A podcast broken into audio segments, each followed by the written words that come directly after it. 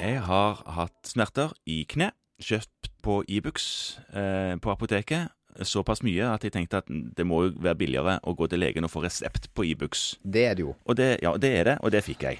Ja. Hva er Ibux for noe? Ibux tilhører en klasse medisiner som vi kaller for NSAIDs, eller på oversatt til norsk ikke-steroide betennelsesdempende medisiner.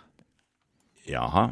Insights. Ja, og Er det, der er flere av de, altså. med det er en en- hel haug. Og du kjenner de som fra håndkjøp på Rema 1000, som Ibux og Naproxen, og fra gammelt av Brexidol og Voltaren, og, ja, eller Voltarol. eller Voltarol. Og, Det får du også en gel, gjør du ikke det? Jo da, så Jo. Disse, disse finnes i en masse formuleringer, og felles for alle sammen er egentlig, eh, selv om det jo absolutt er forskjeller på dem, så er eh, fellesnevneren at de hemmer noen sånne immunsignalstoffer som styrer betennelser i kroppen. Ja. Og vi vet ikke helt hvorfor disse virker, men de hemmer da smerter og betennelsesprosesser.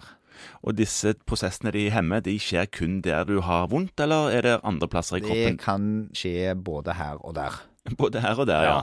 Det veldig, veldig lite presise svaret er at vi ikke helt vet, eh, men det skjer primært, altså effekten er primært ute i kroppen. Ja, der som, eh, der som smerten sitter. Mm.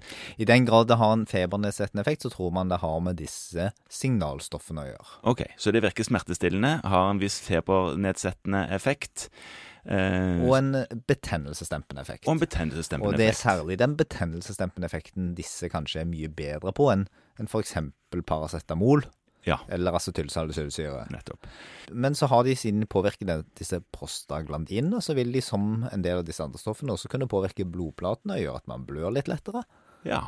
Eh, Sånn at blødningsrisiko er på en måte den store, store bivirkningen. Og så har det vist seg via litt uklare mekanismer at det er ikke så veldig greit hvis du har hjerte-karsykdom.